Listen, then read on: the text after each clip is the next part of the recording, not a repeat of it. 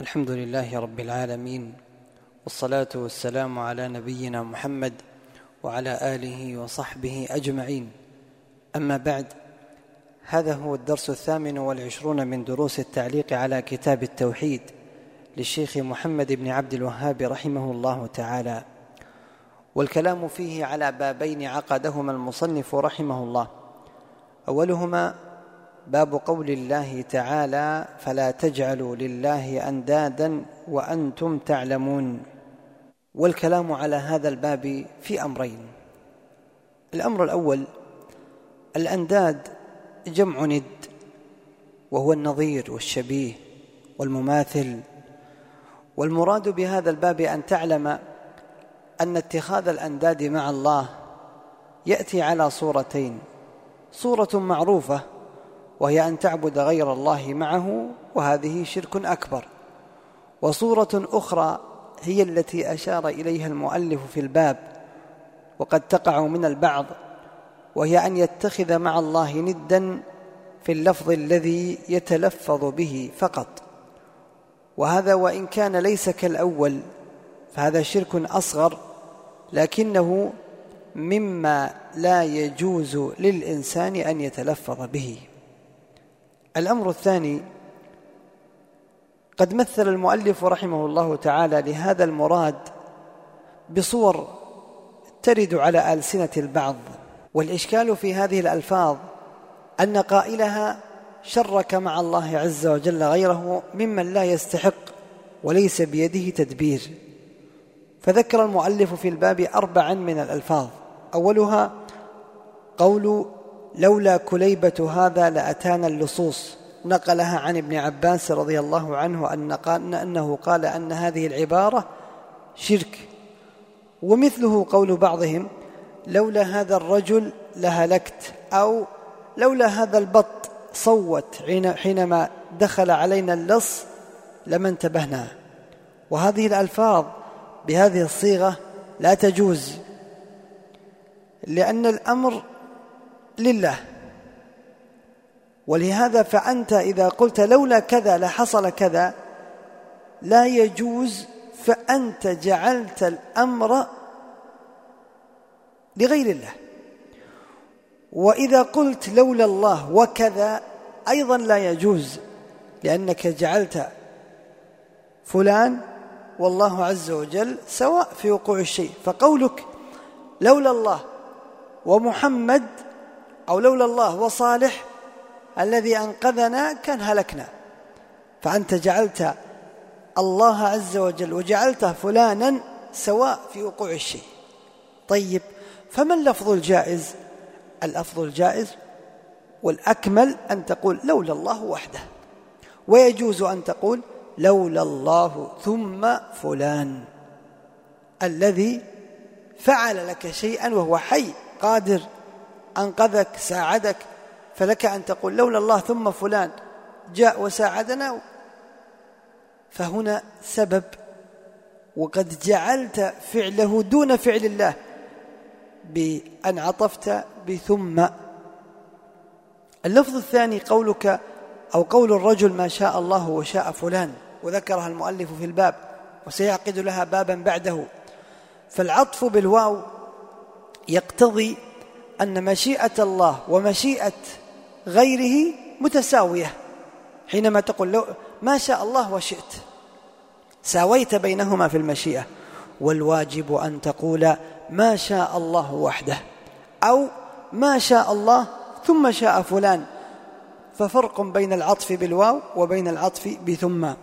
العبارة الثالثة الحلف بغير الله وهذا لا يجوز.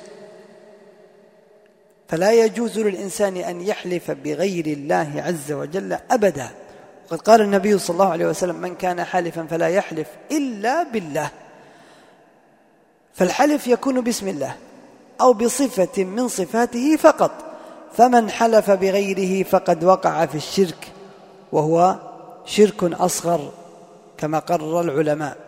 وكم تسمع هذا الأمر من البعض؟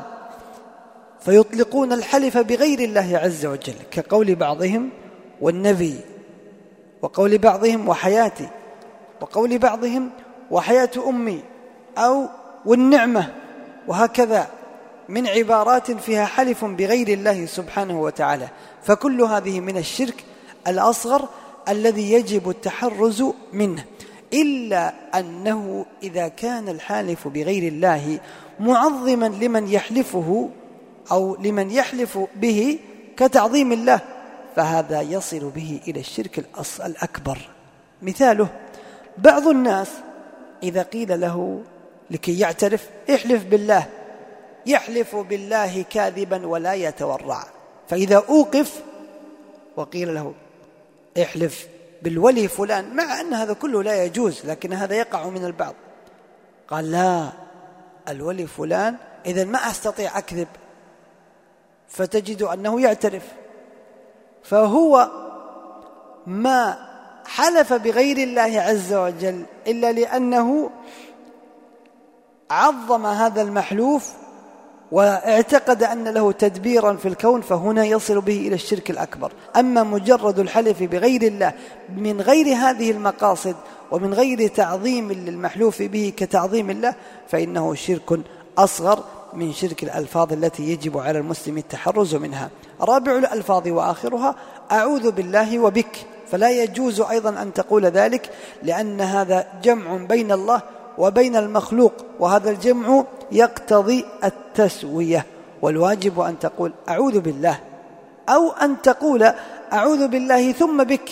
إذا كان هذا الرجل الذي تستعيذ به يقدر على أن يساعدك كأن تكون غريقا أو أن تكون آه، قد هجم عليك عدو أو آذاك مخلوق من الخلق فتقول لفلان أعوذ بالله ثم بك أنك تساعدني على هذا الذي أزعجني أو هذا الذي ابتلاني وأشغلني وتسلط علي. ولا شك أن الأكمل أن تقول أعوذ بالله وحده وتطلب من المخلوق أن أن يساعدك.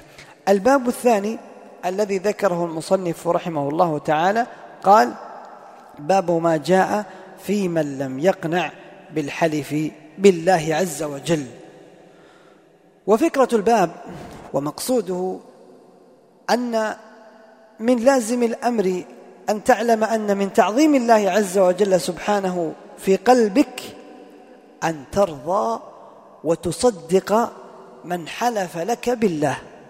فإذا جاءك امرؤ وقال لك أقسم بالله فإنك ترضى لأن هذا تعظيم لله. فالأصل أن الحالف بالله لا يقدم على هذا إلا وهو صادق وأنت يجب أن ترضى. وتصدق بالأمر الذي حلف عليه بالله عز وجل لأمرين. أولا لقول النبي صلى الله عليه وسلم من, حل من, من حلف له بالله فليرضى ومن لم يرضى فليس من الله. والأمر الثاني لأن الرضا بذلك تعظيم لله سبحانه. وقد ورد في الصحيحين من حديث أبي هريرة أن النبي صلى الله عليه وسلم قال رأى عيسى بن مريم رجلا يسرق رآه بعينه فقال له أسرقت؟ قال الرجل كلا والله الذي لا إله إلا هو. أقسم بالله أنه ما سرق عيسى عليه السلام رآه لكنه لتعظيمه لليمين قال آمنت بالله وكذبت عيني وكذبت عيني.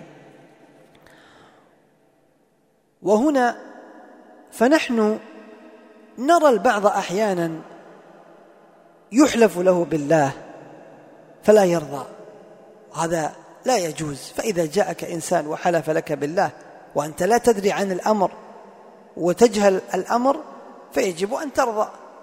ولا سيما في المخاصمات والمحاكمات عند القضاة فإذا حلف لك بالله وأنت لا تدري عن حقيقة الأمر فإنك ترضى.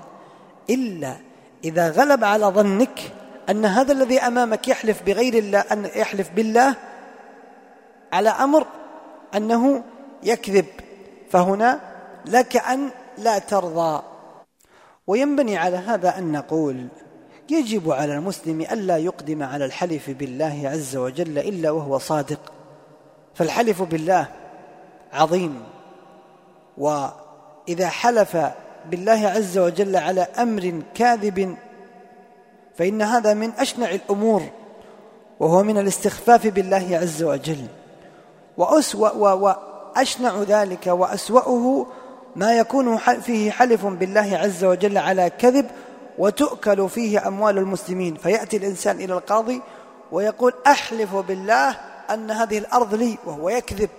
ولا شك أن هذا شنيع. وقد قال النبي صلى الله عليه وسلم كما في الصحيح من حديث أبي أمامة من اقتطع حق امرئ مسلم بيمينه فقد أوجب الله له النار وحرم عليه الجنة.